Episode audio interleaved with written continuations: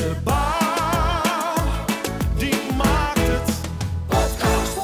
Podcast. Ja, hey, leuk dat je luistert naar de eerste aflevering van de Bouw Maakt Het podcast. Mijn naam is Iman de Vries en deze tweewekelijkse podcast is voor alle mensen in de bouw en infra en iedereen die geïnteresseerd is in deze sector. En wat kan je gaan verwachten van deze podcast? Ik ga het je vertellen. Elke aflevering gaan we op de koffie bij Bouwend Nederland voorzitter Maxime Verhagen om te horen wat hem bezighoudt. Kan je gaan lachen en meedoen met de kreet uit de keet? Bespreken we het landelijk en regionaal bouwnieuws en hebben we een actueel thema dat ingaat op dingen die spelen in het nieuws en op de bouwplaats. Het is de podcast waar ondernemers, experts en andere bouwers jou gaan bijpraten over onderwerpen die je echt moet weten. In deze eerste aflevering gaan we het hebben met Jos Bruining en Jeroen Molenaar over internetcriminaliteit en hoe dichtbij dit kan gaan komen in jouw bedrijf. Maar eerst ga ik op de koffie bij Maxime Verhagen om het landelijk bouwnieuws door te nemen, te bespreken wat 2021 heeft gebracht en wat 2022 ons gaat brengen. Koffie met Maxime Verhagen. Zo, ik zit hier bij Maxime Verhagen aan de koffietafel. Ehm, als je terugblikt op 2021, eh, wat staat je dan vooral bij? Nou, dat het met name erg eh, fijn was dat we konden doorwerken. En met de, met de lockdown vanwege corona waren heel veel sectoren die dicht moesten. Je zag ook in andere landen dat ook de bouw moest stoppen. Eh, maar wij hebben dankzij een protocol veilig eh, doorwerken, hebben wij eh, kunnen blijven doorwerken. En dankzij onze goede contacten als bouw in Nederland met RIVM, bonden en de overheid konden we dat realiseren. Dus dat is echt positief. We hebben geen dag hebben de bouwplaats hoeven stopzetten. Wat daarnaast natuurlijk wel, uitblij- wel, wel ja, bijstaat bij, bij 21 is ehm, toch het, het uitblijven van een, een, oplossing voor de stikstofcrisis. waardoor tal van projecten toch niet kunnen uh, en konden doorgaan. En uh, achterstallig onderhoud van, uh, van wegen um, en vervanging van bruggen. waardoor er gewoon, ja, we zagen gewoon te weinig budget voor, voor met name de infrastructuur. Dus je hebt ja, aan de ene kant positief dat we door konden werken. Maar van de andere kant te weinig oplossingen voor achterstallig onderhoud en stikstof. Ja, en als we dan nu doorspoelen naar het nu uh, en kijken naar het uh, coalitieakkoord, uh, daar staan volgens mij wel heel veel positieve dingen in voor de bouwsector. Ja, zeker. Ik denk dat eigenlijk alle onderwerpen waar we als Bouw in Nederland aandacht voor hebben gevraagd, samen met, met andere partijen, we hebben coalities gevormd, maar eigenlijk alle onderwerpen waar we aandacht voor hebben gevraagd, die zijn geadresseerd. Natuurlijk komt veel aan op de nadere uitwerking in de komende periode, maar als je ziet 1,1 kwart miljard extra voor uh, onderhoud aan de, de infrastructuur, ja. uh, waardoor je achterstallig onderhoud kunt gaan inhalen. Voor de ontsluiting van nieuwe woonwijken zo'n 7,5 miljard extra geld voor waterveiligheid, uh, voor het verstellen van de aanleg van infrastructuur. Dus op dat punt uh, denk ik dat we, dat we blij mogen zijn. Waar ik nog wel wat zorgen over heb, is: is er wel voldoende ruimte voor de nieuwe aanleg en de uitbreiding van onze infra om het land beschikbaar te houden? En eigenlijk de budgetten voor, uh, voor de gemeentes. Ja, want gemeentes die hebben ook veel infrastructuur te onderhouden. Je ziet daar nu al dat er veel bezuinigd wordt. En dat er dus eigenlijk achterstallig onderhoud ontstaat voor die lokale infrastructuur. En ik zie niet extra geld voor, voor gemeentes. Dus enerzijds ook weer positief, toch nog wel wat, wat zorgen. Ja, precies. Um, met betrekking tot woningbouw zien we dat uh, de verhuurdersheffing is afgeschaft. Nou, dus uh, de nieuwe minister die, uh, die moet natuurlijk meteen prestatieafspraken maken met de coöperaties om in ruil voor die afschaffing woningen te gaan bouwen en de bestaande voorraad te verduurzamen. Het is positief dat er een nieuwe minister komt voor, voor wonen- en ruimtelijke ordening, die dus ook de regie krijgt en afdwingbare afspraken kan maken over woningbouwlocaties, over aantallen woningen. Dus ook op dat punt ben ik blij. En uh, ja, wat een hele belangrijke is, is natuurlijk dat er nu eindelijk harde doelstellingen komen forse doelstellingen ook voor het oplossen van, uh, van het stikstofprobleem.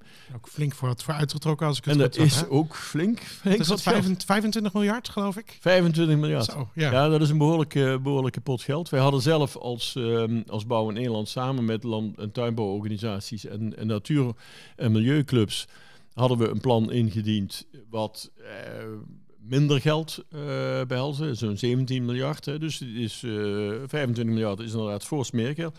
Maar hier worden natuurlijk ook grotere doelstellingen. Hè. Dus de reductie moet in totaal 50% zijn Ja. van de stikstofuitstoot. Eh ja, dat is dus ook fors. Maar daardoor kan er goed ruimte komen voor natuurherstel, maar ook voor de aanleg van woningen en eh, de aanleg van wegen. Ehm, waar we wel voor op moeten letten, is omdat er in het komende, of in dit jaar, hè, dus 2022, is geen geld voor gereserveerd voor het oplossen van dit probleem in de, in de begroting. Dus we moeten ook zorgen dat er geld naar voren gehaald wordt, dat we niet een situatie hebben dat we pas in 23 aan dat stikstofprobleem gaan werken. Maar dat ook 22 geen verloren jaar wordt. Ja, het is eigenlijk een oproep. eh gaan dit jaar nog aan de slag meteen. En niet, eh, niet een wachtjaar, een verloren jaar in gaan schakelen. Absoluut, meteen aan de slag gaan. en, eh, en wij staan er klaar voor om daar de nieuwe minister ook bij te helpen. Nou, ze stonden vandaag op het bordes. Dus met, Ja. met wat ik van de kappersvereniging begrepen, met coronakapsels. Tenminste, zagen er niet bijgewerkt uit. Dus ze, ze, ze, ze kunnen lekker door. Ze kunnen echt aan de, aan de slag. Nou ja, en dan de nieuwe minister voor Klimaat, die kan ook aan de slag gaan met, eh, met verduurzaming. Ja. Eh, overigens ook de nieuwe minister voor, eh, voor Wonen en, en ruimtelijke ordening. Die heeft niet alleen gel in zijn haar gedaan vandaag, maar die kan ook wel eh voor aan de slag met de verduurzaming van de bestaande woonvoorraad. Want er is ook behoorlijk wat geld uitgetrokken voor een, een nationaal isolatieprogramma. Dus ook zeker met die stijgende aardgasprijzen ja, is het aan ons aannemers ook zaak om meteen een, eh, een offer you can't refuse te maken Ja, ja, ja. Voor, eh, voor heel veel Ik huishoudens. heb trouwens helemaal niet gekeken of die mooie schoenen weer aan had, inderdaad. Maar ehm, Heb ik ook niet gekeken. Dat moet ik toch eens even gaan kijken. Maar- ik, hoop, ik hoop dat die onder een... eh, die hadden ook geen, geen jacket aan, hè? nee, nee, ik heb ik, volgens mij niet. Nee. Nee, nee, nee, nee. nee, maar, Dus, met- maar er stonden volgens mij laatst mooie bouwschoenen voor hem klaar, inderdaad. Dus, Ja. Ja, zo'n een Katwijkse eh, bouwer, bouwondernemer, die, eh, die heeft inderdaad echt een mooie veiligheidsschoenen eh, laten maken eh, in, in de kleurtjes voor, eh, voor, voor Hugo de Jonge. heel goed. Ja. Ehm, ja, en de rest, eh, we hebben nog eh, onderwijs. eh, dat is natuurlijk heel erg fijn, omdat het. ik ben ook bij Hanneke, de regiomanager Zuid. En die zei ook van ja, het is soms ook gewoon op mankracht, inderdaad. We, daar zijn ze natuurlijk heel erg druk bezig om van alles te herstellen. En daar gaan we het later nog over hebben. Maar die zei ook ja, op een gegeven moment zijn de ondernemers en de aannemers en de mensen gewoon een beetje op.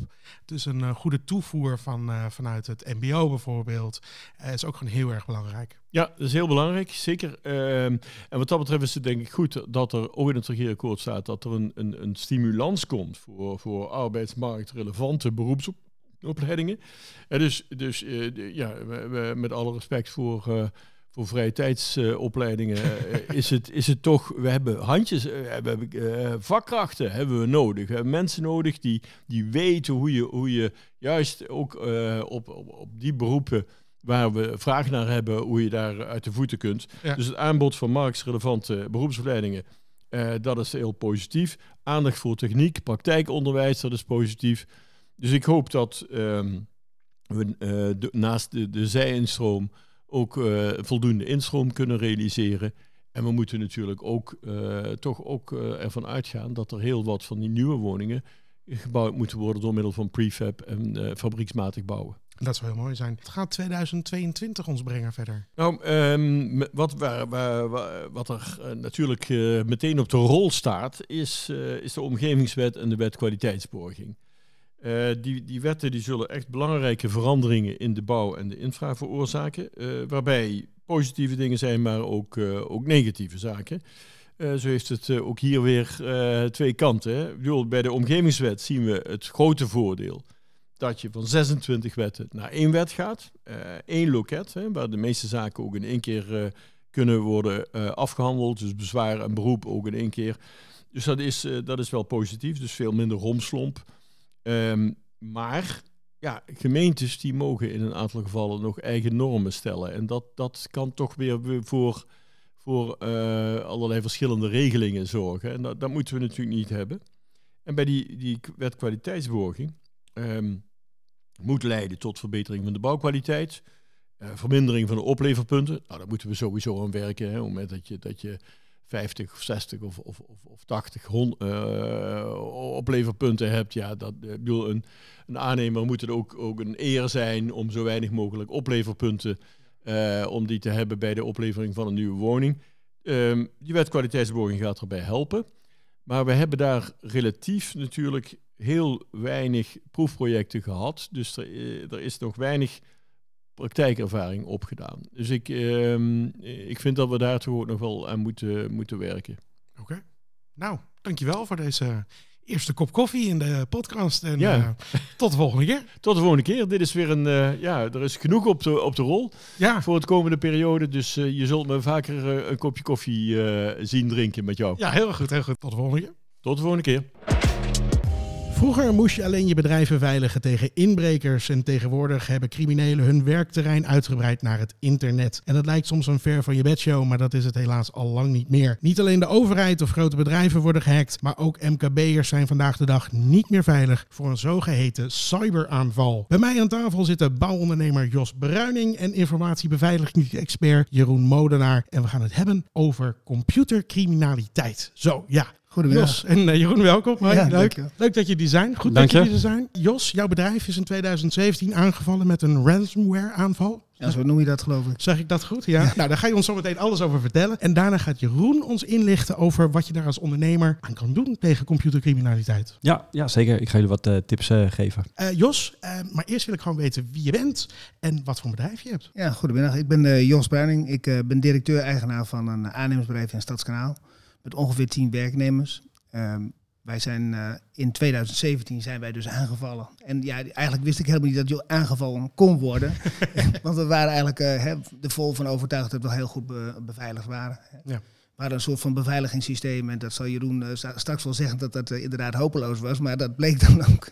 We hadden eigenlijk een systeem wat eigenlijk goed beveiligd was tegen fysieke invloeden. Hè, eh, water, invloeden, stro- de stroomuitval, brand, diefstal. Ja, alle fysieke Alle kenmerken. fysieke waren kenmerken. Maar, maar ja, ik, wie van ons stond erbij stil dat er misschien ook iemand via de achterdeur door het poortje naar binnen kon komen. En dat is bij ons dus gebeurd. Ja, want kan je misschien uitleggen wat er jou precies is in overkomen? Ja, ik ben, eh, na het weekend ben ik op een gegeven moment teruggekomen en ik eh, startte computers op. En eh, nou, toen kwamen er al hele, hele rare dingen in beeld. En toen bleek dus dat het hele systeem min of meer uitgeschakeld was. Behalve eh, onze Outlook-component, die, was, die, die werkte nog wel. Omdat dat eigenlijk achteraf bleek dat dat dus hetgeen is op de manier waarop dat ze met ons communiceren. En ook de vraag stellen wat ze van ons willen. Hè? En ze zijn dan de hackers. Ja. En voor de rest lag je hele systeem helemaal plat. ja, lag- alles lag er helemaal uit. Alleen Alles. je mail deed het Ja, toch. alleen de mail deed het nog. En vanaf dat punt, wat uh, gebeurt er? Nou ja, ze hebben eh, ons gevraagd om eh, in het ne- net Engels om, eh, om eh, ongeveer 10.000 euro destijds in eh, bitcoins eh, uit te keren. En dan zouden wij de sleutel terugkrijgen waarmee we de bestanden weer konden openen. Zo, dat is een flink bedrag, 10.000 euro. ja. Eh, en in bitcoins. Ehm, en heb je dat gedaan? Dat is natuurlijk de grote vraag. Nee, dat heb ik niet gedaan. Nou, dan ben ik heel benieuwd. Eh, Waarom niet? Ja, waarom niet? Ja, zeker. Nou ja, kijk, ik vond het eh, ten eerste stuit me nogal tegen de borst als, als mensen ja, ongedwongen voor mij geld gaan vragen. En eh, ik ben niet bereid om daarvoor te betalen. Dit was eigenlijk gewoon, je zet, ze zetten je gewoon een mes op de keel en zeggen van graag betalen en dan krijg je de sleutel terug. Nou, dat, eh, dat was ik eigenlijk niet zozeer van plan. En bovendien hadden wij ook eigenlijk wel een mogelijkheid om, daar, om een escape te hebben. Ehm, het was voor ons eh, aan het begin van het jaar, het begin van het administratieve jaar. We hadden op dat moment ook geen tenders openstaan, hè, geen aanbestedingen om zo maar te zeggen. Maar dat klinkt voor de bouwers misschien wat meer bekend in de oren. Dus ehm, kijk, als je, als je voor een tender staat en je moet, eh, het is nu maandag en je moet vrijdag inleveren, dan, ja, dan, ben, je, dan ben je eerder bereid om natuurlijk te betalen. Eh, bij ons was dat eigenlijk niet aan de orde. Dus, eh, en het was aan het begin van het jaar en toen hebben we besloten om niet te betalen en alles er gewoon opnieuw weer in te zetten. Zo, dat is wel een flinke beslissing, Ja, denk ik. ja. En wat komt daarbij kijken? Nou ja, qua kosten minimaal dat bedrag. En nog wel meer ook. Maar goed, ja, dat, dat is dan wel... kijk, want het is natuurlijk ook niet zo gegarandeerd dat, eh, dat als je die 10.000 euro betaalt... dat je dan ook je sleutel krijgt, dat het dan allemaal weer gaat werken. Nee. Dus dat is, een, dat is een punt van orde. Hè. En, eh, ja, en, en daarnaast eh, voed je eigenlijk ook nog de criminelen natuurlijk. Ja, precies. Nou, ik snap de keuze inderdaad heel goed om niet te betalen. Het eerste wat mij wel te binnen schiet is, als, als ik gehackt zou worden, zou ik meteen de politie bellen. Ja, nou, dat, dat, was niet het eerste waar, dat is niet het eerste waar een ondernemer aan denkt op dat moment. Nee? hè. nee, nee, nee, absoluut niet. Wij worden natuurlijk fysiek ook nog wel eens een keer bestolen op de bouw. En eh, ja, dan is je doet in, in het begin doe je natuurlijk wel heel erg braaf eh, eventjes aangifte, maar ja, je ziet uiteindelijk dat er toch heel weinig mee gebeurt. En ja, en in dit geval van de, van de, eh, de aanval die per, per computer binnenkwam, ja, is de eerste zorg toch om je eigen systeem weer op, op orde te krijgen. Is niet om je eigen bedrijf weer op orde te krijgen voordat je aangifte gaat doen. Je zei het net al, is achteraf gezien was je beveiliging toereikend? Nee, absoluut niet. Ja, goed, het was ook, ik moet wel zeggen, wij, wij, spreken natuurlijk over 2017. Hè? Ik bedoel, kijk, eh, nu is het natuurlijk Hè, we hebben vanaf 2017 hebben, heeft iedereen natuurlijk wel een beetje kennis gekregen van dat ook dat soort aanvallen plaats kunnen vinden. En ook wel bij kleinere bedrijven. Ik heb ook nooit stilgestaan bij het feit dat men bij ons zou komen. Ik denk, men gaat proberen bij een bank, men gaat maar proberen bij een nationale Nederlander, noem het allemaal op, een verzekeringsmaatschappij, grote, grote organisaties. Maar ja, uiteindelijk denk ik dat natuurlijk eigenlijk, nou dat zal Jeroen straks wel zeggen, ja, bij jullie is de boel niet zo goed beveiligd, dus dan komen ze makkelijker binnen. Hè? En de- ik denk dat dat er aan de orde is geweest feitelijk. Hè? Ja. Je bent uiteindelijk meer dan 10.000 euro kwijt geweest? Ja, dat denk ik wel. ja. Ja. En je hebt natuurlijk een hele, hoop- hele, hele eh, periode van naweeën. Hè, dat je nog steeds een beroep wil doen op oude bestanden die je dan niet kan vinden. En ja, dat is allemaal wel lastig. Hè, we hadden wel alles, destijds ook nog alles wel op papier. Maar ja, dat is toch wel allemaal wat lastiger. Zeker in de huidige situatie. En achteraf gezien, ehm, nou ja, nu- het is nu 2017, we zijn een paar jaartjes verder. Is de juiste beslissing? Ben je blij met je beslissing Ja. om niet te betalen? Ja, ja, ik ben heel erg blij met eh, het feit dat we niet betaald hebben. We hebben het ook, daarbij ook onmiddellijk eh, een paar andere stappen gezet. We hebben zowel de hardware als, eh, als de, de hele organisatie van het, eh, van de data en van het ICT-systeem hebben we op nieuwe poten gezet. En eh, ja, daar zijn we eigenlijk heel content mee. Ja. Het is helemaal opnieuw opgezet. En ook, eh, nou, we, zijn, we hadden eerder ook nog wel eens een keer wat storingen, maar dat is meer op een ander gebied dan. Maar daar waren we ook gelijk, eh, dat hebben we gelijk helemaal op nieuwe poten gezet. En ik ben heel blij dat we toen de beslissing hebben genomen om het te doen zoals we het hebben gedaan. Ik vind het heel fijn dat je er bent namelijk, want eh, dit is een onderwerp wat we heel vaak tegenkomen. Maar we merken ook dat mensen er eigenlijk niet zoveel over willen vertellen. Nee, dat, dat begrijp ik. En ik snap ook wel dat als, je, als het je nu overkomt, dan wordt het nog iets lastig. Kijk, je moet wel zo zien, even de tijdsgeest. 2017 praten we over iets anders, hè? Ja. Dat is toch wel eh, een aantal jaartjes weer geleden. En toen was dat natuurlijk niet zo te doen gebruikelijk, om het zo maar te zeggen. En eh, je, maar ik denk toch dat er nu nog wel heel wat mensen zijn die op dit moment nog niet goed beveiligd zijn. Dat denk ik. En dat is dan denk ik een hele mooie schakel naar Jeroen. En Jeroen, herken je dit verhaal? Ja, zeker. Helaas wel. We komen dit vaak tegen in de praktijk dat bedrijven inderdaad denken dat ze goed beveiligd zijn, maar er toch eh, helaas eh, hard achter moeten komen dat dat niet zo is. En dan eh, vele duizenden euro's aan, aan schade hebben. En nu eh, de hoopvolle vraag, is er wat aan te doen? Ja, zeker natuurlijk. Er is altijd wat aan te doen. Ik denk dat het voor de bouw net zo sprekend is als een goed slot op de deur. Eh kan je ook een eh, goed slot op je ICT zetten en eh, op je dataomgeving. Dus dat eh, is zeker mogelijk. Oké, een beetje hoop dus. Mooi, daar gaan we het daarover hebben in het volgende blok. Maar dan gaan we nu eerst door naar nieuws uit de regio. Nieuws uit de regio. Ik zit hier aan de keukentafel bij Hanneke van Eindhoven, regiomanager Zuid. En dat houdt in Limburg, Brabant en Zeeland. Ja, ik heb het goed onthouden. Eh, Hanneke, welkom. Dank je. Of eigenlijk andersom natuurlijk. Ik Fijn zit bij jou aan tafel. Ja, dankjewel, Ja. dankjewel. Ik heb een kopje koffie en we gaan het hebben over het regionale nieuws. En één specifiek onderwerp, want een half jaar geleden was er natuurlijk de... Ja, mag ik het een watersnoodramp noemen? Is het een wa- Ja, zo heet het inmiddels wel in de volksmond. ja, Eh, ik, ik moet altijd bij de watersnoodramp denken aan lang geleden. En waar we alle mooie delta-werken en allemaal dat soort dingen aan over hebben gehouden. Maar wat hier een half jaar geleden is gebeurd, is natuurlijk eh, verschrikkelijk. Zou je er nog iets over kunnen vertellen? Ja, natuurlijk. Eh, allereerst inderdaad van harte welkom eh, hier aan de keukentafel in Zuid-Limburg. De watersnoodramp, ja, ik zit daar zelf ook altijd wel een beetje mee. Want het grote verschil is natuurlijk wel dat daar enorm veel doden zijn gevallen. Hè, in 53 eh, in, in Zeeland. En hier gelukkig niet. Dus Nee. er, hier zijn hier geen slachtoffers op die manier gevallen. Maar inderdaad, in juli afgelopen jaar is hier wel eh, veel water geweest. En eh, zijn ongeveer 2300 panden, hè, dus huizen, eh, winkels, eh, horecapanden, enorm hard geraakt door dat water. En daardoor heel veel gezinnen ineens van de ene op de andere dag ja, zonder onderdak komen te staan. En eh, ik eh, ben hier zelf ook woonachtig, dus ik ken eh, meerdere gezinnen met kleine kinderen, met ook nog een bedrijf in het dorp, ja, die gewoon dubbel geraakt zijn en met hun kinderen op straat stonden. En dat maakt, ja, dat maakt wel enorme indruk. We hebben het allemaal zwaar, toch een beetje in de coronaperiode. En dan heb je dat er ook nog Ja. bij. Dat is, dat is niet niks, inderdaad. Nee. Ehm, en hoe heeft de branche voor de rest gereageerd op nou ja, alles wat er is gebeurd? Ja, ik ben eh, trots om te zeggen dat ik vind dat er door onze branche enorm veel eh, is gebeurd. Ehm, ik zag het ook hier hè, in de omgeving. eh, de grondverzetbedrijven, die, die enorme vrachtwagens die rondreden met zand. In eerste instantie natuurlijk, toen we nog niet wisten hoe groot het zou gaan worden. om zandzakken te vullen, verstevigingen te maken. Dat bleek helaas, zeker in deze omgeving, niet genoeg. Het water heeft anderhalve dag gestaan. Echt tot, tot twee, drie meter hoog hè, in, in verschillende huizen. En na anderhalve dag was het weg. En toen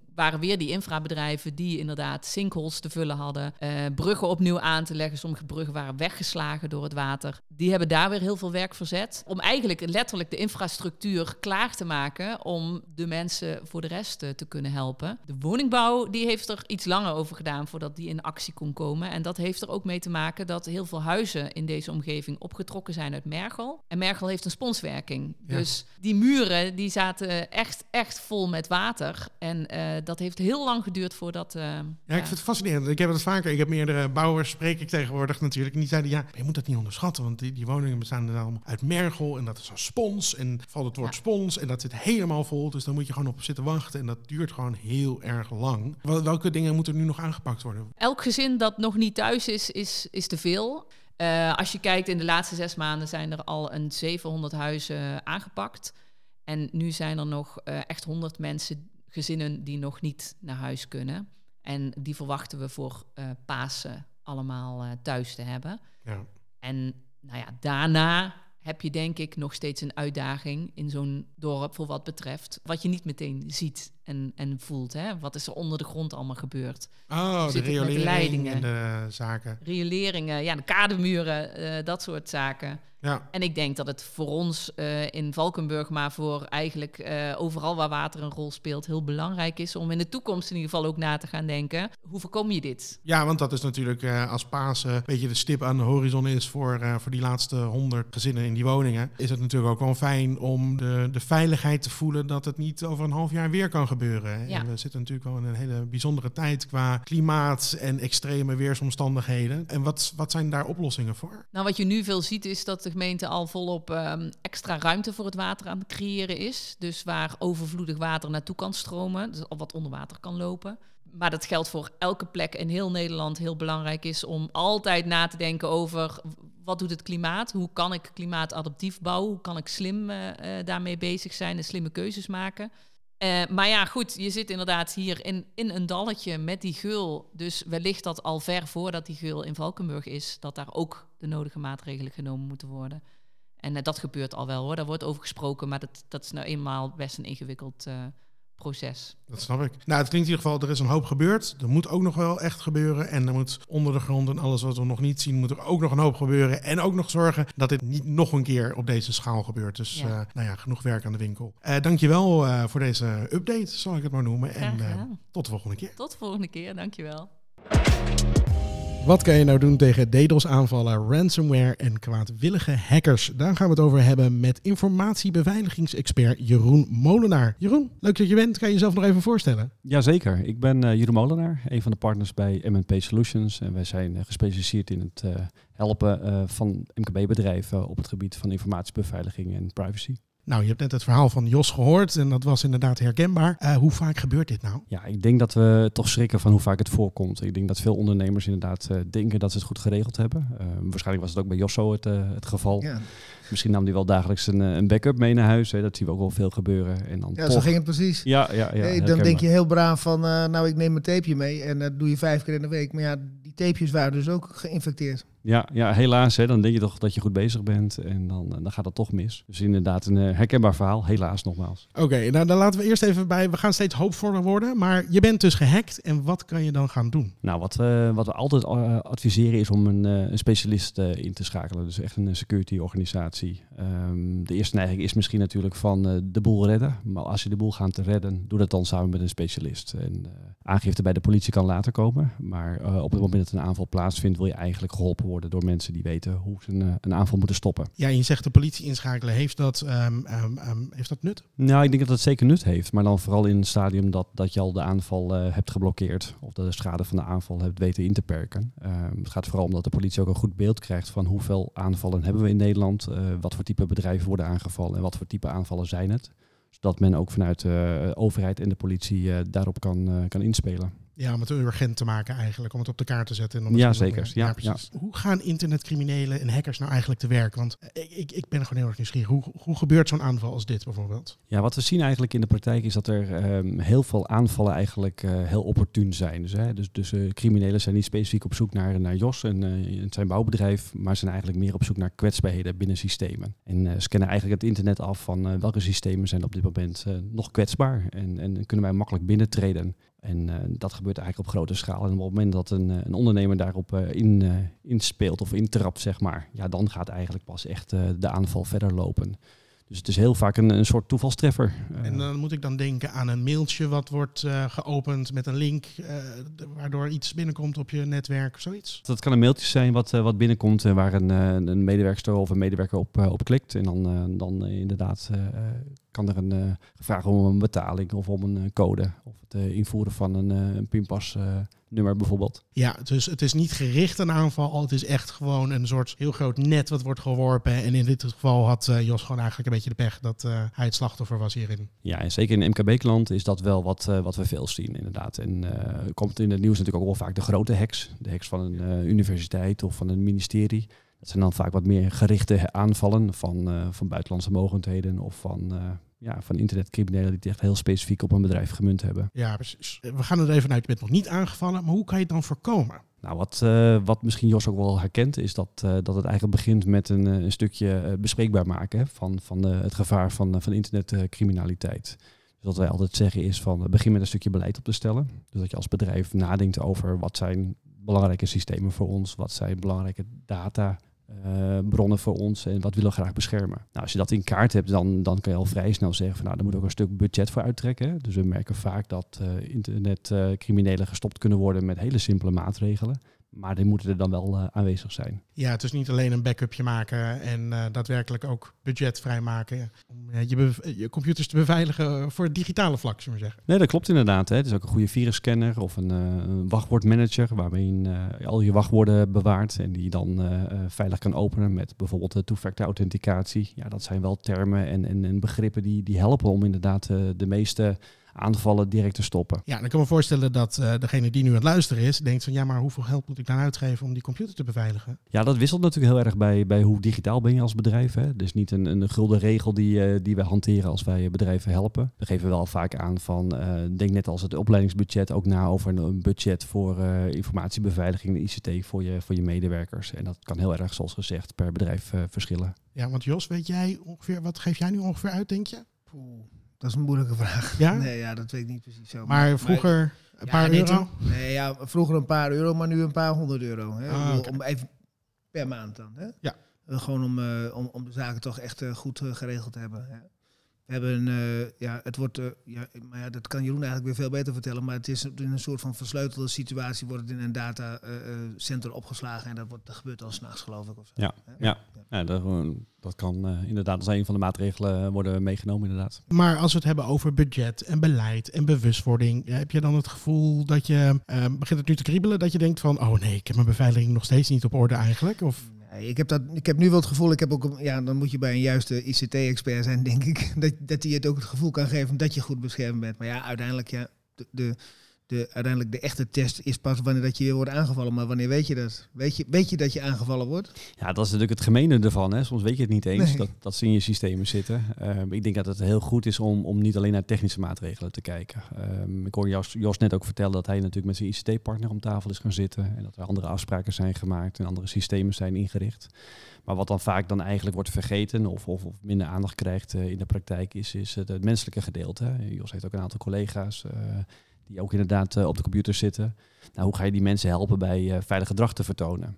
Dus eh, een stukje awareness, een stukje opleiding. ehm, af en toe een, een, een, een toolbox er bijvoorbeeld aanwijden om inderdaad informatiebeveiliging en privacy op de kaart te zetten. zijn denk ik hele goede maatregelen. Nou, die phishing die hebben we ook al gehad. Hè? Maar dan ben je dus wel meer aware van de sit- situatie. En die hebben we dus inderdaad wel kunnen afwenden. Hè? Ja. Dat, dat er dus een gefakte mail vanaf mij naar de administratie was gegaan met het verzoek tot extra informatie, waardoor er een groot bedrag naar het buitenland kon worden overgemaakt. Ja, dat is toch wel. Ja, nou is dat misschien klinkt dat heel erg gek misschien, maar ja, dan, dan, dan ik, dus ze zijn daar wel meer aware van nu dat je, dat je daar niet op moet reageren, dat je daar niet op moet klikken. Nee, dus geen prinsen uit het buitenland die even geld nee. nodig hebben. Nee, precies. Oké. Jeroen, als je nou nog één gouden tip hebt voor eh, ondernemers, van wat moeten ze nou doen? Nou, misschien eh, een hele makkelijke tip of een hele goede tip die, eh, die veel ondernemers ke- direct kunnen gaan gebruiken, is, eh, is dat ieder systeem, iedere applicatie die jullie gebruiken, die, die heeft standaard veiligheidssettings. Ehm, je kan bijvoorbeeld eh, een two-factor authenticatie aanzetten. Hè. Dat wil zeggen dat je inderdaad eh, met een met een verificatie op je telefoon bijvoorbeeld in een applicatie kan komen. Eh, maar het kan ook zijn dat je inderdaad eh, de rechten en rollen van gebruikers eh, goed kan inperken. Gebruik die settings van die applicaties. Dat zijn al de dingen die je direct kan doen. Dat kost niet, niet extra geld. Ehm, en daarmee maak je je bedrijf direct veiliger. Super, goede tip. Ik heb ook nog een tip eh, meegekregen bij de, voordat we deze podcast gingen opnemen. En dat is namelijk, ga naar bouwendnederland.nl slash digitale veiligheid. En hier lees je namelijk hoe Bouwend Nederland jou kan helpen om de digitale veiligheid in jouw organisatie op orde te brengen. En eh, je vindt er een basisscan en die je binnen vijf minuten weet je gewoon of jouw basisveiligheid op orde is. Eh, Jos en Jeroen, ik wil jullie heel erg bedanken dat jullie er waren. Blijf nog wel even zitten, want we hebben nog een kreet uit de keet. Dus de eerste aflevering. We hebben natuurlijk geen flauw idee wat dat precies is. Maar daar hebben we een stelling voor mensen eh, eh, uit de bouw. En dan kunnen mensen uit de bouw kunnen daarop reageren. En deze keer alle bouwvakkers fluiten naar vrouwen. Eh, sorry, Jos, fluit jij ook naar vrouwen? Ik fluit nooit naar vrouw. Eh, Jeroen? Ik heb helaas geen keten. Oké, nou we gaan horen hoe het in het echt zit. Kreet uit de keet. hey, weet je, eh, ik had een vraag, hè. Eh, weet je, de, de meeste bouwvakkers fluiten naar de vrouwen. Maar eh, doe jij dat eigenlijk ook? Fluiten is gewoon een compliment. Nou, eh, ik niet, want ik ken niet eens fluiten. Ik fluit ook naar mannen. Anders zo aardig, hè? Echt wel? Ik fluit elke ochtend naar dezelfde vrouw en dan zwaait ze altijd terug. Fluiten, nee, zeker niet. Dat is eh, niks. Ja, dat is gewoon een, eh, eh, dat is gewoon een klein beetje ordinair gaan.